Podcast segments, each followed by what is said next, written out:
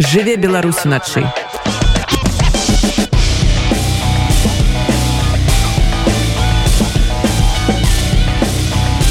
беларускія ноцы Іван Саванович каля мікрафона Ася Рэйнер за гукарэжысерскім пультам. Пачынаем беларускую ноч на хвалях радыё унет бліжэйшую гадзіну пра пагаворым пра асноўныя падзеі гэтага тыдня. А пачнем як заўжды з кароткага агляду сітуацыі на фронте ва ўкраіне. Лінія фронту. Радыё унет апошні тыдзень найбольшыя змены адзначаюцца на паўночным напрамку аб ім сёння і паразмаўляем украінскія войскі працягваюць наступ у харкаўскай вобласці хоць тэмпы наступу моцна змарудзіліся тым не менш украінскія войскі працягваюць узмацняць свой плацдарм на ўсходнім беразе ракі аскол у раёне купянска як паведамлялася украінскія войскі канчаткова занялі важны чыгуначны вузел купянск вузлавой і паспяховыя хоць і не вельмі маштабныя пакуль дзеянні украінскіх войскаў ставяць расійскую групоўку ў гэтым раёне ў складанае становішча таксама прыходзяць паведамленні што ў раёне купянска ўжо былі кінуты ў бой літаральна нядаўна мабілізаваныя вайскоўцы Такім чынам можна канстатаваць што ніякай нармальнай падрыхтоўкі сярод мабілізаваных не праводзіцца значна больш актыўна развівалася сітуацыя паўднёвей у раёне лімана узброеныя сілы ўкраіны ўвайшлі ў сяло под ліман а ў населеным пункце баравая ўсе апошнія дні ішлі вельмі цяжкія баі на ўсход ад баравой украінскія войскі на думку военнага аналітыка тома купера знаходзяцца недзе паміж населенымі пунктамі капанкі першамайская і пралетарская хоць і не кантралююць іх у сваю чаргу расійская прапаганда на гэтым тыдні заяўляла што украінскія войскі ўжо знаходзяцца ў макеяўцы за 7 кіламетраў на ўсход ад вышэй названых населеных пунктаў падобна што расійскія войскі канчаткова сканцэнтраваліся на абароне асабліва на фоне рэферэндумаў па далучэнні украінскіх тэрыторый нягледзячы на паспяховыя дзеянні украінскіх войскаў наступ у раёне лімана сустрэў жорсткае супраціўленне падобна што расійскае камандаванне кідае ўсе даступныя рэзервы на абарону менавіта гэтага кірунку у тым ліку рэзервістаў. Усе падмацаванні якія расійскім генералам атрымоўваецца сабраць адпраўляюцца ў раён сватава адтуль у капанькі пралетарская і альхоўку. Военны аналітык том купер адзначае што ўсе гэтыя падмацаванні складаюцца з рэзервістаў. Аднак іх так шмат што на думку эксперта яны могуць дасягнуць некаторых поспехаў і нават адбіць украінскі наступ адначасова з гэтым у пятніцу украінскія сМ паспяшаліся паведаміць аб частковым атачэнні горада ліман тым не менш гэтая інфармацыя пакуль не пацверджана Лінія фронту. Радіо УНЕД. Працягваем тэму вайны ва ўкраіне ва ўкраінскай бучы на гэтым тыдні адбылося ўрачыстае ўзнагароджанне ваяроў якія прымалі ўдзел у абароне гораду на пачатку расійскага ўварвання ў лютым гэтага года сярод узнагароджаных і беларусы з палка імя каліноўскага адзін з узнагароджаных ваяр з пазыўным псіхолог ён распавёў для радыёнет сваю асабістую гісторыю і падрабязнасці таго бою пад бучай падчас якога загінуў ягоны пабрацім Ілля літвін а таксама пра тое что не варта ставиться до российской армии як да непрафесійной и няздольной зовут меня алексей позывной у меня психолог. Э, в украину я прибыл в 2015 году и вступил э, в пол козов для того чтобы защищать территориальную целостность украины в связи с нападением на нее россии. Э, ну до этого в беларуси в принципе я не был ни в каких оппозиционных кругах просто жил обычной жизнью. Ну события которые политические возникли, скажем, заставили меня поучаствовать активно уже. Потом, впоследствии, два года прослужил в полку Азов белорусами, друзьями, которые были организаторами полка Калиновского.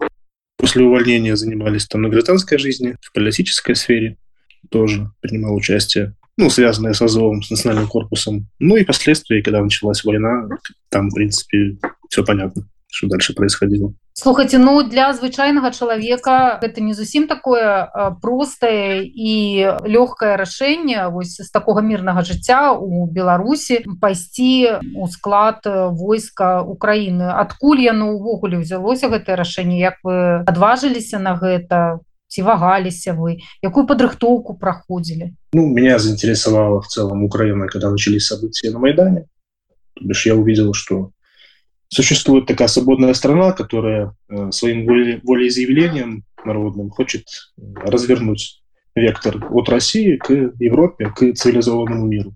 Ну и, конечно же, хотелось очень сильно помочь им это сделать.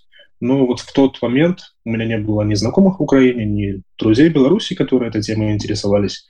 И по большому счету информация получалась из интернета, и она была ну, не совсем объективная. А потом, впоследствии, я уже познакомился с людьми, которые присутствовали на Майдане, через знакомых очень познакомился. Ну, вот у них узнал побольше о ситуации, которая там происходит. И уже впоследствии, когда началась война, непосредственно российское вторжение, то тогда уже услышал от своих вот друзей, что они собираются примкнуть к полку для защиты Украины.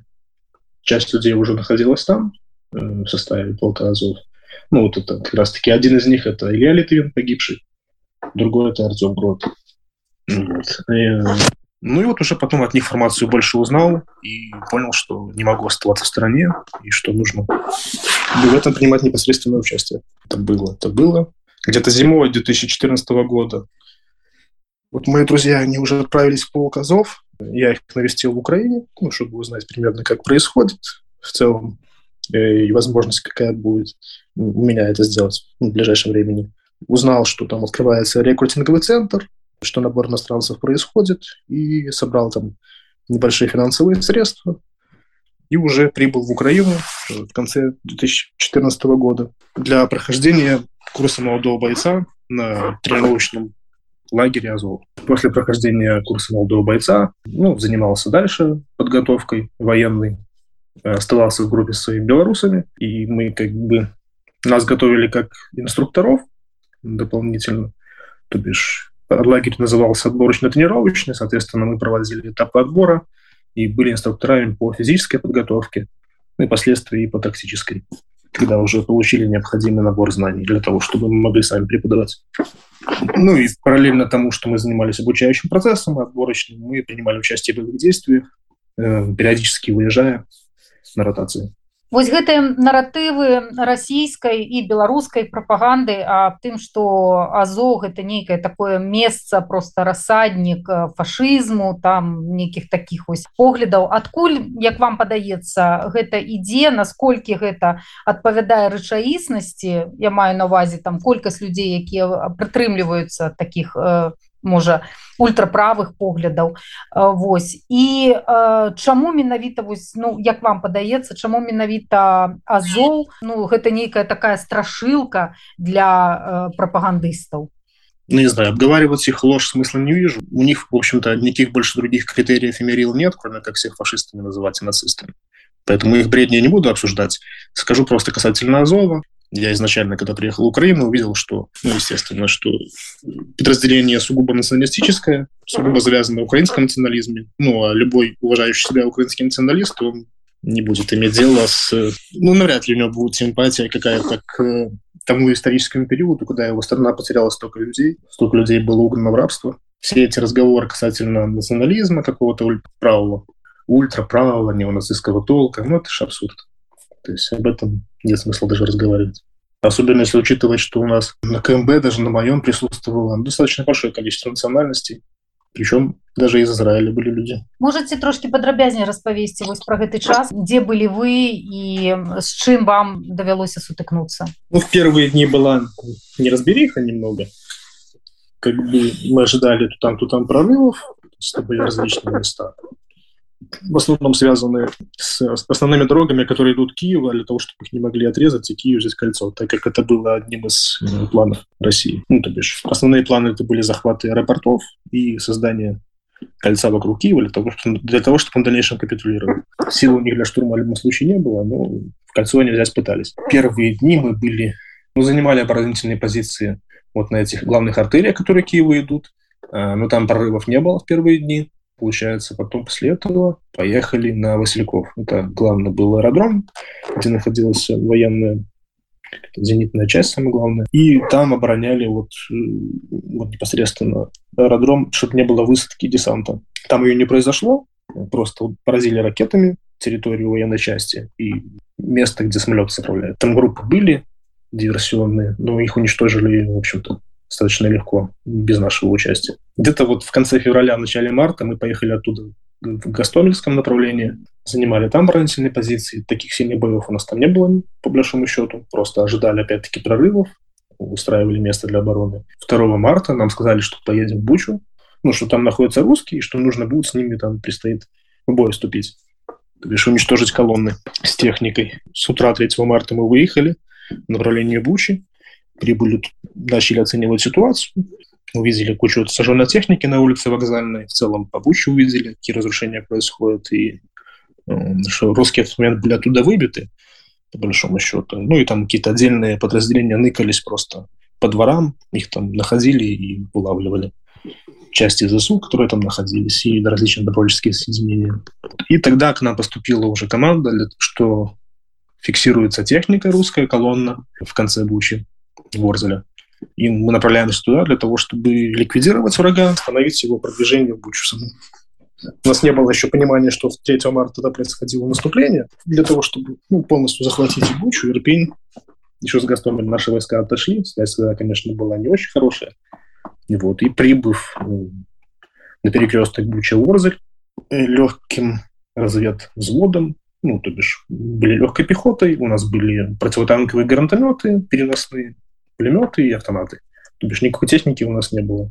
Мы были на Э, Мерседесах спринтеры, бусики обычные, гражданские.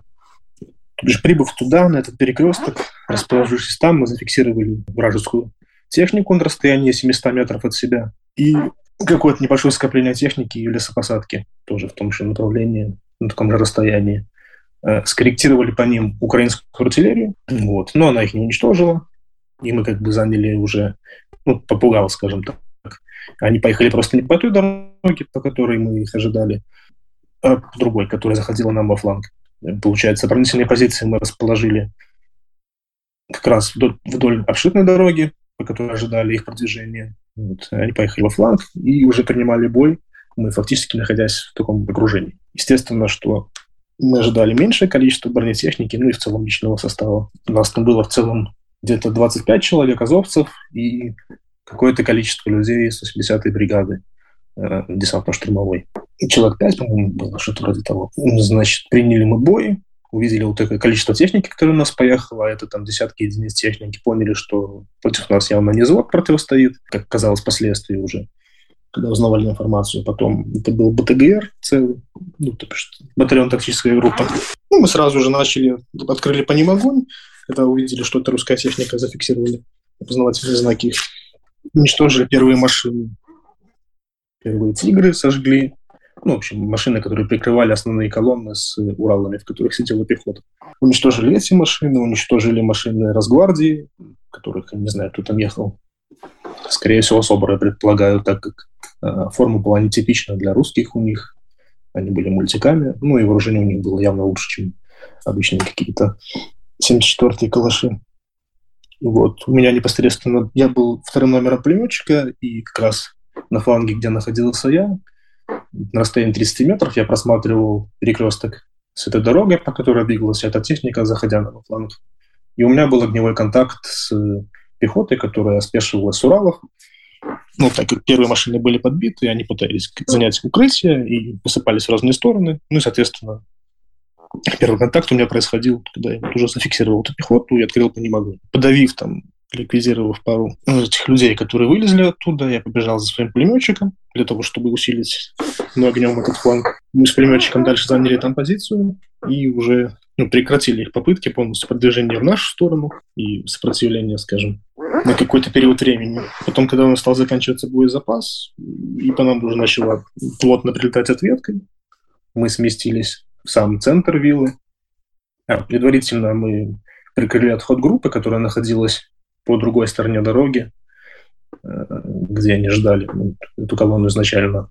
Эта группа отошла, все сместились э, в этот сам центр Вилла Сан-Марино. Небольшой отельный комплекс, там куча домиков различных с картонными стенами и стеклянными большими окнами метражными. Сместились туда, я доложил информацию командирам о том, что происходило на нашем фланге, так как связь у нас вся рухнула, их, ну, судя по всему, рэп заглушили. Вот, командир, поняв, что мы находимся э, в тактическом окружении, в таком, что выходить вообще не вариант, теми силами, что у нас находились, так как не было бронетехники даже. То бишь при выходе нас, скорее всего, просто уничтожили. Ну, поэтому было принято решение занять круговую оборону и уже как бы вести бой по. Ну, что мы и сделали. Вот. Ну, когда мы начали располагаться для занятия обороны, уже по нам начали работать с танка, у нас появились первые ранения. То бишь после там, третьего попадания танка Илья Литвин был смертельно ранен. Он был под завалами. Мы его сразу не нашли, нашли чуть позже. Я оказывал помощь своим раненым товарищам, которые, ну, которые были вблизи меня. То есть там накладывал турникет, стабилизировал состояние. И когда мы начали переносить раненых уже в более безопасное место от обстрела, так как мы находились изначально в доме, который ну, полностью просматривался, и по нему непосредственно с танка и били. С этого здания мы сместились, и при смещении с этого здания в другое уже прилетел еще один танковый снаряд в трех метрах за спиной у меня. И у нас было ранено после этого где-то ну, около десятка человек. Ну, а там мне уже как бы много оторвало, я уже занимался непосредственно решением своих задач, то бишь сохранением своей жизни. Наложил себе турникет, осмотрев место ранения, э, переполз в более безопасное место, ну, и дальше там провел осмотр себя, чтобы не было нигде осколков. Ну и уже ждал распоряжения командира о том, что нам делать дальше, будет ли эвакуация в целом, будет ли она вообще. Ну, так как русские, в общем-то, опешили, не ожидая нападения на них, ну и понятно, что они не обладали информацией о том, что у нас находится там взвод, они как бы растерялись, и у нас был промежуток такого времени для этого, чтобы на тех бусиках гражданских, на которых мы приехали, мы раненых всех и вывезли. Тяжело раненых всех погрузили в эти бусики, ну и мы на полных скоростях втопили, в общем, оттуда уже в Ирпень уехали. Ну, в Бучу, дальше в Ирпень, дальше в Киев. По нашим машинам, которых перевозили раненых, велся неплотный стрелковый огонь. То есть бронетехника, к счастью, отработала до этого уже. У них были разряжены боекомплекты. И вот нам повезло, мы оттуда выехали. Но при этом часть людей, вот с китом в том числе, она осталась там и в течение 15 часов после этого еще принимала там бой. Ну, так как, опять-таки, я говорил, возможности выйти оттуда не, ну, не существовало до ночи, по крайней мере. Ну и вот, принимав бой там в течение этого времени, они ликвидировали пехотные группы, которые пытались их штурмовать, потеряли еще часть людей своих убитыми, ранеными. И уже ближе к ночи, когда ну, русские, видимо, подумали, что там всех убили, ребят получилось связаться с, с частями своих групп, которые находились уже за Бучей, ну, уже в Киеве. Запросили артиллерийскую поддержку в этот сектор, чтобы русская техника стянулась, и они смогли выйти оттуда. Артиллерийская поддержка удачно свершилась, русские технику свою оттянули, и все бойцы по ночи с помощью приборов ночного видения тихонько оттуда ушли и уже попали на безопасную территорию ну, там при этом несколько человек заблудилось и пошло в другую сторону. Там есть такая история, связанная с русским добровольцем Есениным. Ну, ее можно найти в интернете, как он рассказывает, как он потом после этого в Буч переводился в гражданскую одежду, попадал в плен два раза, вышел оттуда через три дня по итогу. Тоже все хорошо с ним. Русские войсковые кажут, что гэтая война для их нешакана іншая, А чым напрыклад там была чеченская кампанія тры чеченскія кампаніі Росіі і таксама баявыя дзеянні 14-15 гадоў ва ўкраіне чым гэтая вайна адрозніваецца чаму яны так кажуць ну, потому что воевать с, с афганскими какими-то партизанами воевать с чеченскими партизанами и воевать с профессиональной армией это разные вещи разный уровень и совершенно разный подход требуется для этого так как Россия подход к войне не меняет то у них, в общем-то, поэтому проблемы возникают. Как бы вы охарактеризовали подрыхтовку российской армии? Техническая, ну, технической части Понятное дело, российская армия превосходит нас по многим параметрам. В части подготовки непосредственно самого боевого состава он тоже достаточно высокая. Ну, было, к примеру, на момент вторжения. Думаю, с течением времени оно как бы хуже стало в связи с ликвидацией значительной части состава. Но в целом против нас воевала достаточно профессиональная армия, э, профессиональный боевой состав, но я бы не сказал, что у них профессиональное руководство, те, кто давали приказы, потому что ну, при подобном управлении любой, даже хороший солдат, он становится бесполезным, если его загоняют в такие, скажем, рамки, в которых воевать невозможно. Ну, то бишь этот миф о плохих э, воинских умениях русских солдат, он как бы, на уровне мифа остается. Естественно, против нас воевала профессионально подготовленная армия. То есть это не какие-то срочники, которые приехали на учение. Это люди, которые военным делом занимаются и прекрасно понимали, куда идут и умеют воевать. Для того, чтобы обучить состав, для того, чтобы сформировать какое-то боевое, боевое подразделение слаженное, впервые нужно подготовить личный состав, то есть дать базовую подготовку тому или иному мобилизованному гражданскому, это занимает какое-то время, ну, условно, пару месяцев, для того, чтобы какие-то начальные разы дать. А после этого идет уже формирование непосредственно э, подразделения, допустим, его специальность военная. Ну, кто непосредственно. Если он управляет какой-то техникой, для того, чтобы управлять техникой, ему нужно учиться управлять. То есть просто какой-то обычный пекарь или там менеджер, которого мобилизовали, он уже не сможет управлять ни танком, ни бронетранспортером, ни минометом, ну, с ним миномета работать, ничего подобного. Он может быть стрелком-пехотинцем, но стрелок-пехотинец, он как бы бой не выиграет на одних стрелках-пехотинцах. А, опять-таки, ну и тем более тоже на подготовке, у него там солдаты штурмовика точно не будет. После этого проводится боевое слаживание подразделения, где непосредственно уже они вместе учатся работать. И это все занимает достаточно длительный период времени, и это явно не происходит за две, там, три недели, как это пытаются, как их сейчас кидают на убой. В общем-то, это все прекрасно понимают, в том числе и русская армия. Ну, боеспособность таких подразделений – она будет невысокая, но, с другой стороны, они как минимум этим составом смогут разгрузить э, другие боевые подразделения от определенных функций, связанных с обеспечением тыла. Потому что еще самое важное в армии – это обеспечение тыла. Всегда 70% – это тыл, 30% – это непосредственно части, которые находятся в боестолкновениях. И чем в тылу лучше происходит, тем лучше воюют боевые части. Поэтому, ну, конечно, можно там смеяться с этих мобиков, которых туда посылают, но по факту, если там их бы правильно применяли, то это всегда является проблемой. Ну, увеличение состава. Скажите, калі ласка, Як вы плануеце зараз сваё жыццё з улікам таго, што ўжо ёсць такое сур'ёзнае параненне, ці ці будзеце вы працягваць прымаць удзел у нейкіх баявых дзеяннях, ці ўжо вы будете ну, нейкім іншым чынам дапамагаць Украине перамагаць? Для того, чтобы скажем, воевать как раньше воевал, требуется определенный вид протеза, который стоит определенные суммы денег, которые, ну и, скажем, определенного этапа навыков обращения с ним. Поэтому речь пока об этом не идет. Э, в дальнейшем посмотрим, как будет ситуация развиваться. Но в целом я уже с мая месяца э, занимаюсь дальше военным делом. Ну, то бишь, э, непосредственно не на фронте, а вот здесь, в тылу, определенные функции как военного выполнять. Живе Беларусь уначы. 27 верасня кіраўнікі калабрацыйных уладаў часова акупаваных тэрыторый выклалі справаздачы аб тым што рэферэндумы па ўваходжанню украінскіх абласцей часова акупаваных рассій паспяхова прайшлі.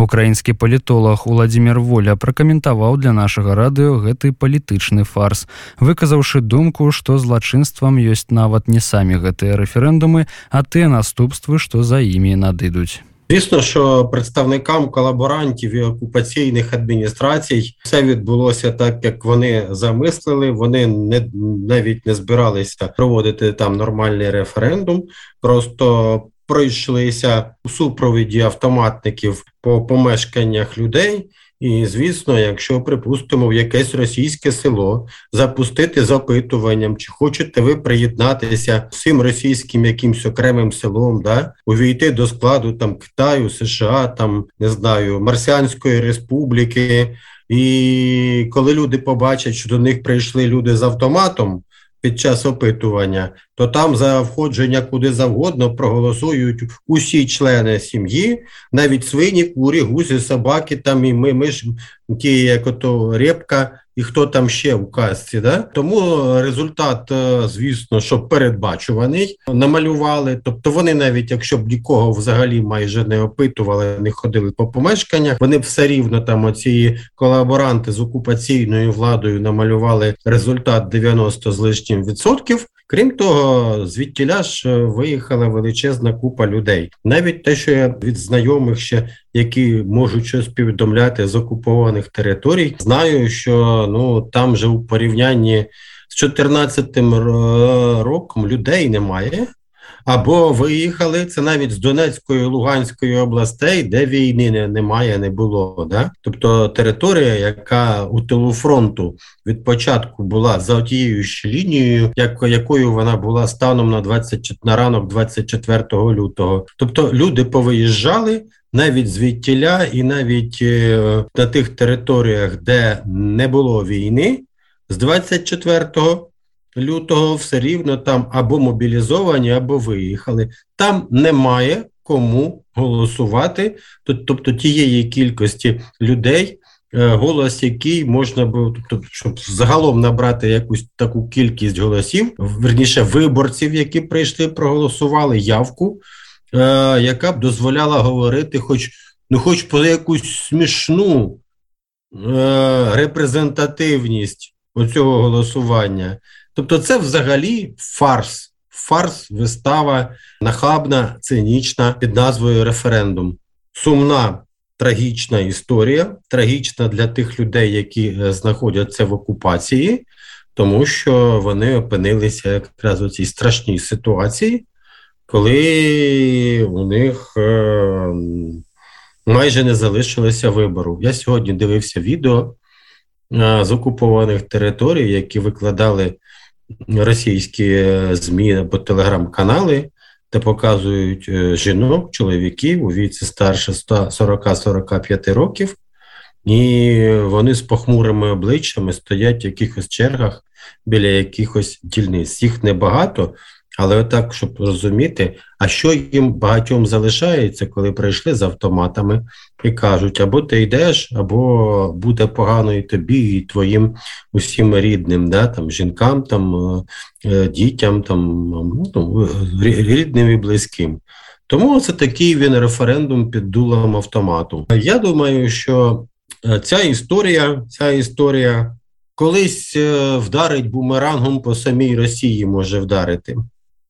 Тому що, як я вже сказав, Путін показав технологію, як отак вульгарно, брутально можна вчинити з тією ж самою Росією. Тому чому дивуватися, якщо на території якоїсь адміністративної одиниці в складі Росії хтось захопить владу, пройде по будинках і скаже: ми тут провели референдум. І чим цей референдум відрізнятиметься від того, що Путін провів на е, вкрадених у в Україні територіях, українських територіях? Нічим. Е, Путін засуджував це вже коли була чеченська війна, коли там були ісламісти на північному Кавказі. Я не кажу про Республіку Ічкерія, це перша чеченська війна. А коли там вже були купа найманців іноземних, таке інше. Тобто їм це не подобалось. Але тепер вони вважають, що вони можуть діяти так, як вони колись це засуд, таким способом, який вони засуджували колись. Тому е, це все бумерангом повернеться проти самої Росії. Більше того, цей бумеранг ще полягати в тому, що це ж не просто референдум. Референдум це подія, вистава, з допомогою якої намагаються оформити анексію, тобто крадіжку окупованих українських територій. І зло це не референдум, зло це анексія. Тобто, якщо верніше так, якщо говорити про справжнє зло, злочин, який коїться, то це е, не цей виставковий референдум. А те, заради чого ця вся вистава проводиться для того, щоб оформити крадіжку окупованих українських територій, і насправді оце може вдарити боляче по Путіну. Він же хотів це все швиденько анексувати для того, щоб швиденько сховати всі окуповані території під е, ядерний щит Росії, щоб зупинити подальші можливі контрнаступи українських сил, бо у Росії виявилося немає звичайних військ, щоб стримувати вже е, утримувати лінію фронту під ударами українських сил. Тому вони вирішили швиденько Путін, щоб не програти, да, щоб відсунути поразку або унеможливити в його розумінні. Він вирішив тут задіяти якраз ядерний щит для окупованих е, територій. Але дивіться, що це відбувається. Ця технологія, як я вже сказав, вона насправді може стати бумераном для самого Путіна. По-перше, це створюється, знаєте, такий механізм. Ну а чому Тайвань не може так само провести референдум? І референдум не просто за незалежність, а одразу для того, за, за те, щоб Е, стати навіть частиною Сполучених Штатів. Да? Раз і в дамках під е, ядерне під захистом ядерного е, щита Сполучених Штатів. Але референдум, який пройде на Тайвань, на Тайвані, він пройде цивілізовано, він пройде в демократи в умовах демократичної політичної культури сталої демократичної політичної культури, на відміну від того фарсу, який провів Путін. Тобто тут питання, що Китаю робити, або Китай засудить. Оці фокуси Путіна після того, як е, Путін оголосить про що референдуми пройшли і території у складі Росії. Або ж, е, якщо Китай промовчить, то а чому б Тайвань не може скористатися технологією незалежності імені Путіна, проти якої не проти Китай? Да? Тому тут принциповий важливий момент: Китай або засудить референдуми і анексію, і тоді він відріже для Тайваню цей шлях, або не засудить, бо відсутність засудження означатиме, що це нормальний спосіб це значить, що Тайвань теж може цим скористатися. Оце такий момент. Другий це те, те саме стосується і Індії, де і багатьох інших країн, які займають зараз нейтральну позицію у відносно цієї війни. Другий момент е, наслідків по групах це Казахстан. Я не виключаю, що після того, як Путін оголосить про анексію, і рішення про анексію буде затверджено Радою Федерації, то Казахстан може ухвалити рішення про призупинення або навіть припинення свого членства в ОДКБ. Чому? Тому що Казахстану також є території, які Росія вважає своїми. Раз.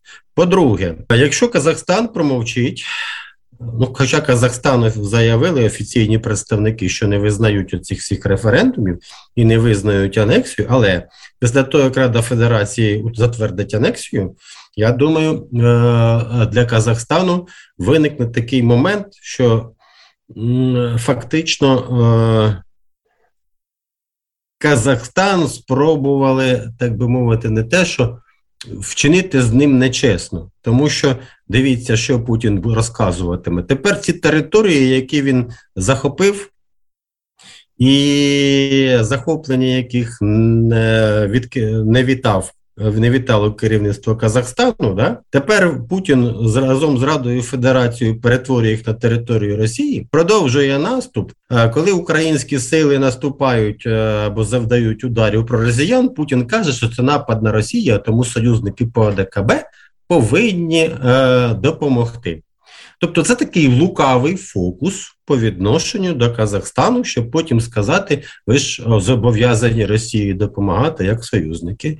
Я думаю, що в такій ситуації Казахстану краще призупинити своє членство, як мінімум, призупинити в ОДКБ до завершення війни, а може взагалі вийти.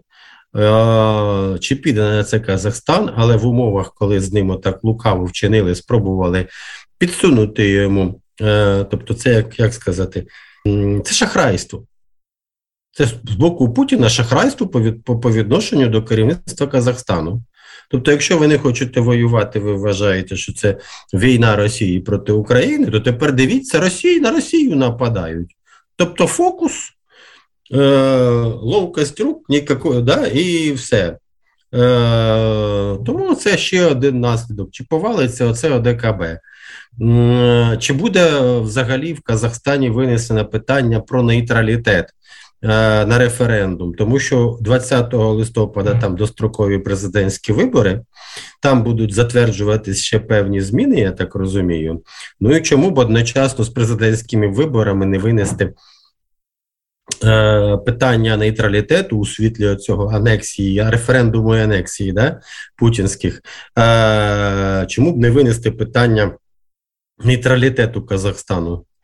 Тобто я оце не виключаю, що Путін цією анексією і погрозами застосувати ядерну зброю, він так ядерно вдарить по АДКБ в переносному смислі, ударно да, е, знищить ОДКБ.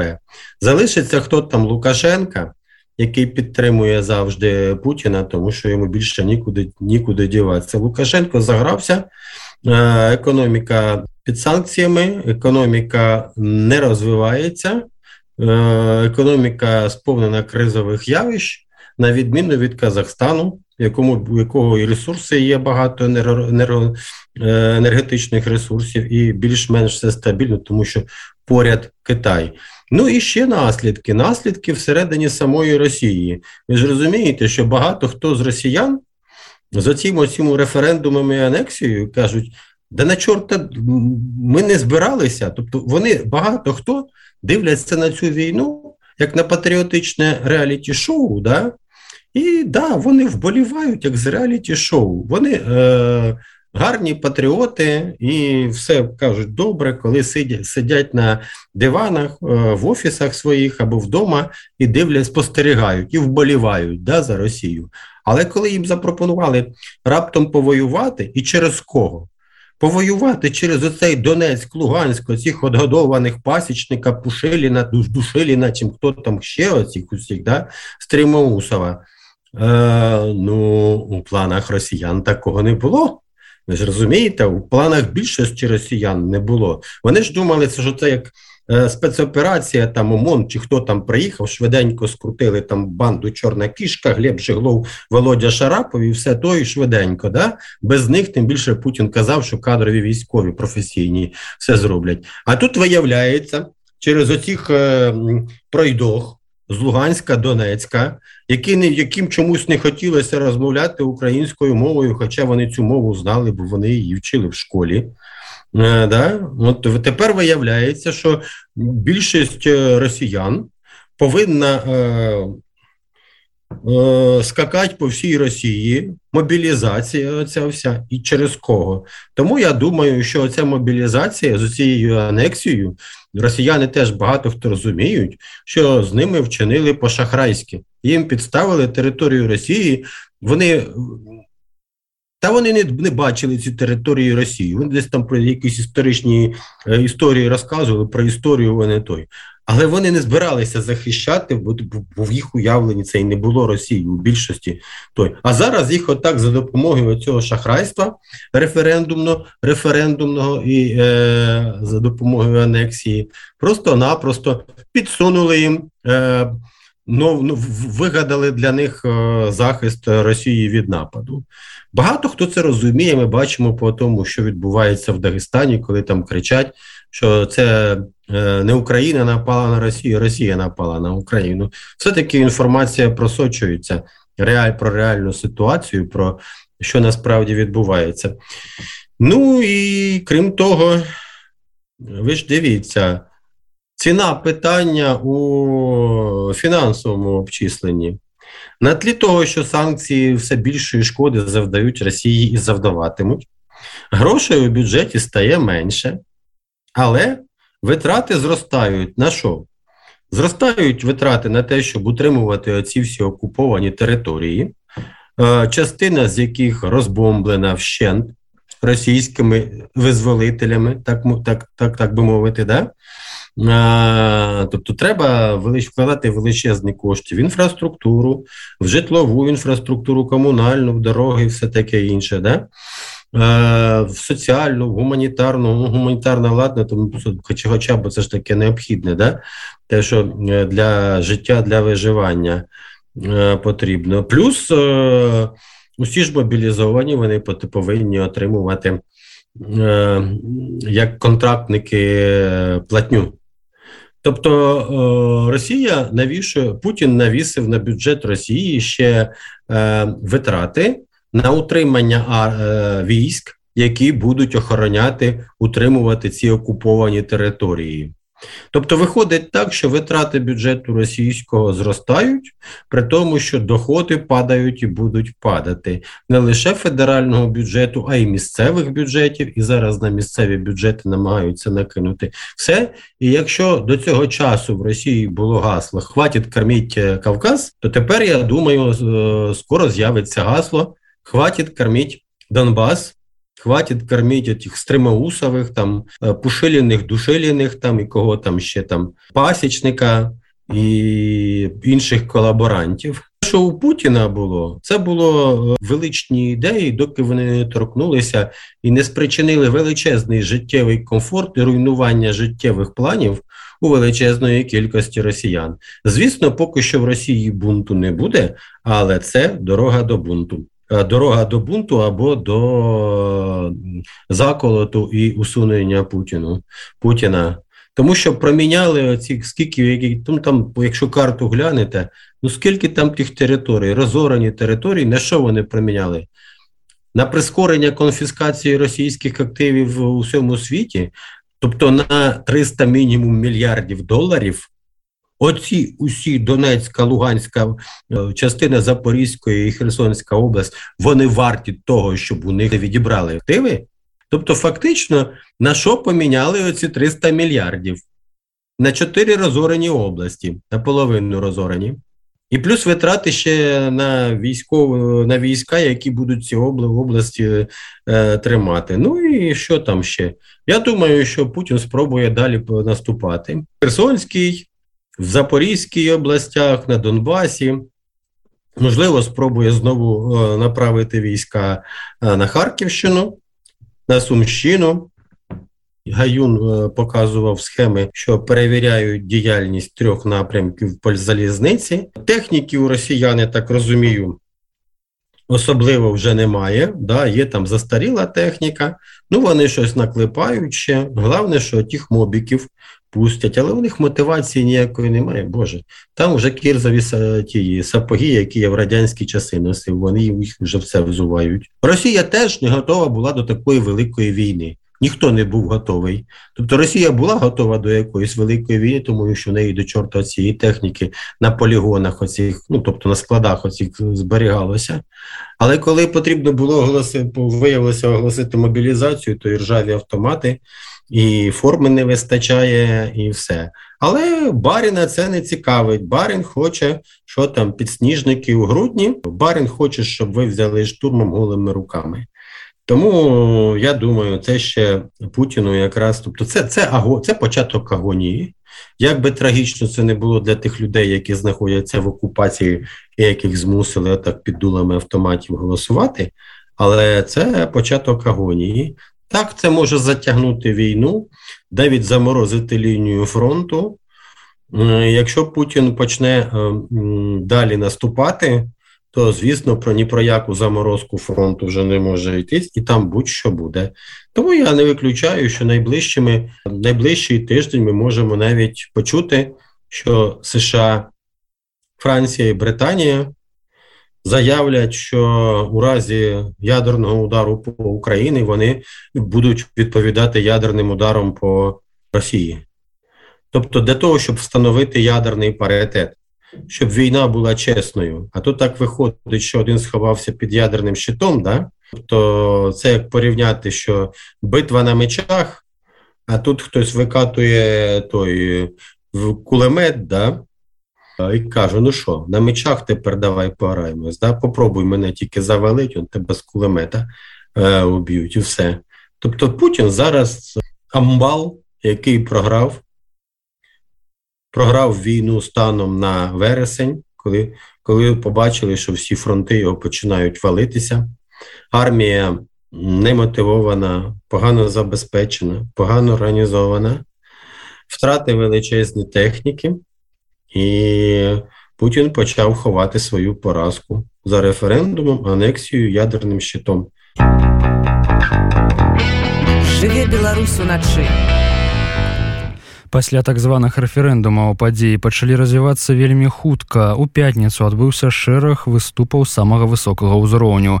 У крамлі 30 верасня адбылася цырымонія падпісання дамоваў аб далучэнні ў склад рассі акупаваных тэрыторый украіны. Падпісанню дамоваў папярэднічала доўгая прамова Пуціна. У гэтай прамове Пуін напрыклад заявіў што гэта англасаксы здзейснілі дыверсію на трубах паўночнага потока і тым самым прыступілі да знішчэння агульнаеўрапейскай энергетычнай інфраструктуры а таксама што слом заходняй гегемоніі незваротны і дадаў што як раней ужо не будзе пасля гэтага владимир зяленскі апублікаваў зварот у сувязі з падачай заяўкі на ўступленне ўкраіны ў нато зяленскі дадаў што ва ўкраіне ўсведамляюць неабходнасць кансенсусу ўсіх членаў альянсу ў гэтым пытанні і што на гэта спатрэбіцца час У сувязі з гэтым украіна прапануе пакуль рэалізаваць свае прапановы па гарантыях бяспекі для краіны і для ўсёй Еўропы ў адпаведнасці з кіеўскай дамовай аб бяспецы. А ўвечары з прамовай выступіў генеральны сакратар нато Янс Столтенберг. Ён нагадаў, што для прыняцця ўкраіны ў альянс патрэбныя згоды ўсіх яго членаў, але дадаў, што ніякія рэферэндумы не зменяць пазіцыі НАТО па дапамозе ўкраіне. Падзеі, якія адбываюцца ў рэгіёне нашаму радыё пракаментаваў дырэктар украінскага інстытута сусветнай палітыкі Яўген Магда.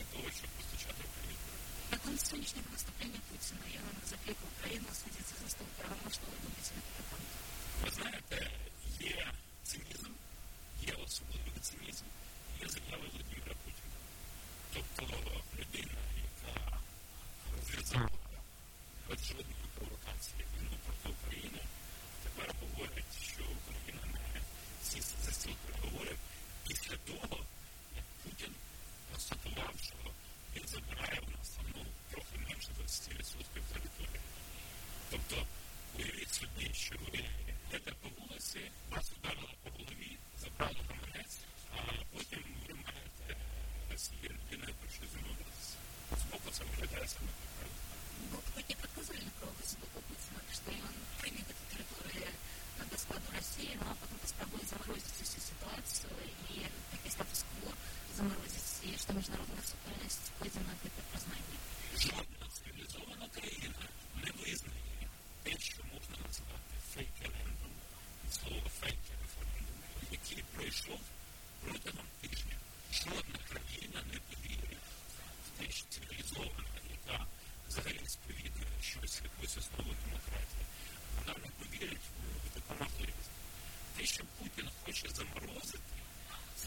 означає, що цього хоче Україна. Це не означає, що Україна на це погодиться. Україна зараз веде достатньо успішні наступальні дії на Сході. Тобто слово лиман в російських пабликах зараз звучить не менше, ніж слово Путін. І відповідно це буде достатньо відчутним. Ми це будемо Бачите, реакцію на то, что відбувається. Як по вашим прогнозам, як буде зараз класификация того, что Россия может сказать, что зараз Україна попала на российские території. Ну, сьогодні ми з вами зараз говоримо пролунали вибухи на території Криму. Я думаю, що військового якогось характеру. Тобто Україна і раніше визнавала удари по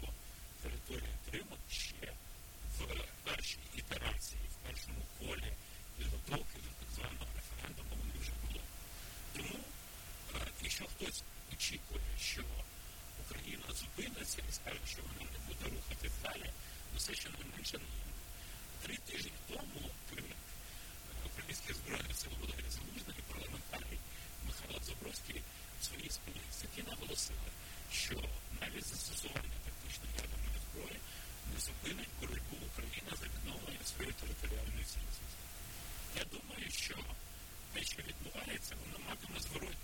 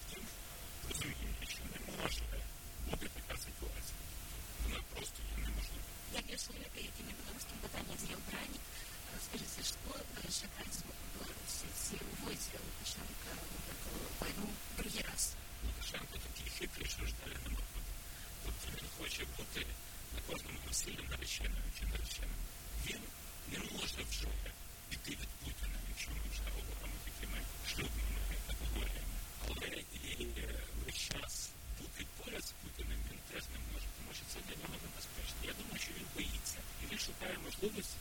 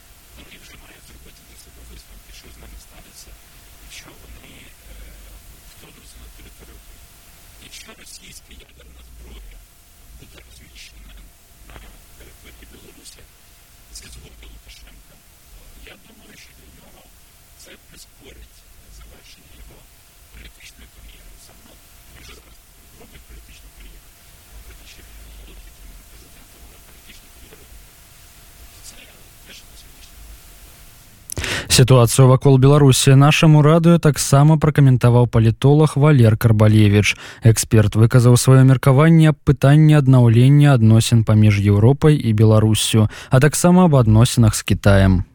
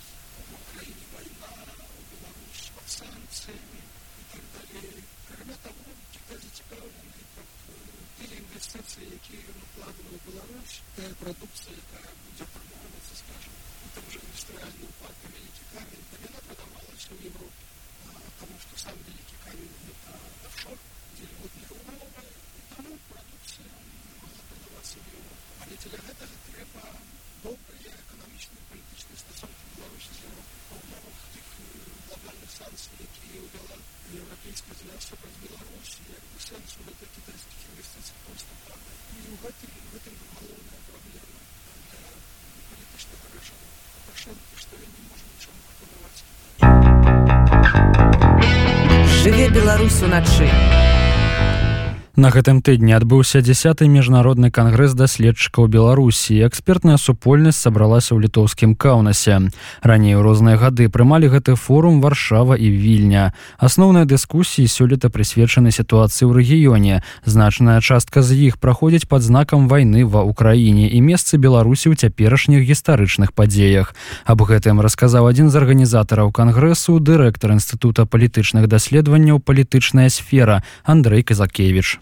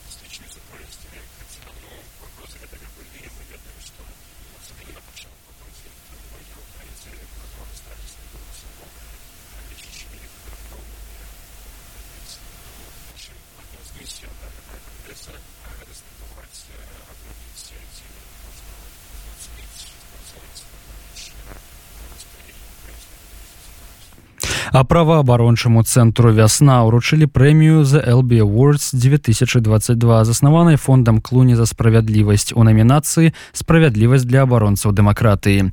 Аб гэтай прэміі нам распавяла Аліна Стэфанович, жонка палідзняволенага праваабаронцы вясны Валянціна Стэфановича. Ну, вось насамрэч узнагароду прымала я але не атрымала. Атрымала ўзнагароду вясна менавіта вясна атрымала ўзнагароду якая называется LB Awards адна з намінацый называлася Defenders of Democracy Award для абаронцаў дэмакраты. Сама назва LB гэта ёсць такі суддзя якога вось завуць LB ён з паўднёвай Афрыкі і ён вельмі шмат чаго ў жыцці сваім зрабіў. І вось ён атрымаў як бы галоўную ўзнагароду награду for life achievement lifelong achievement. І узнагарода цяпер называется ягоным імём фактычна гэтую ўзнагароду дае Clooney Foundation for Justice. Да фундацыю якую заснавалі амаль і Джордж Клуні тому что ім цікава дапамагаць людзям дапамагаць жанчынам журналістам праваабаронцам увогуле яны вельмі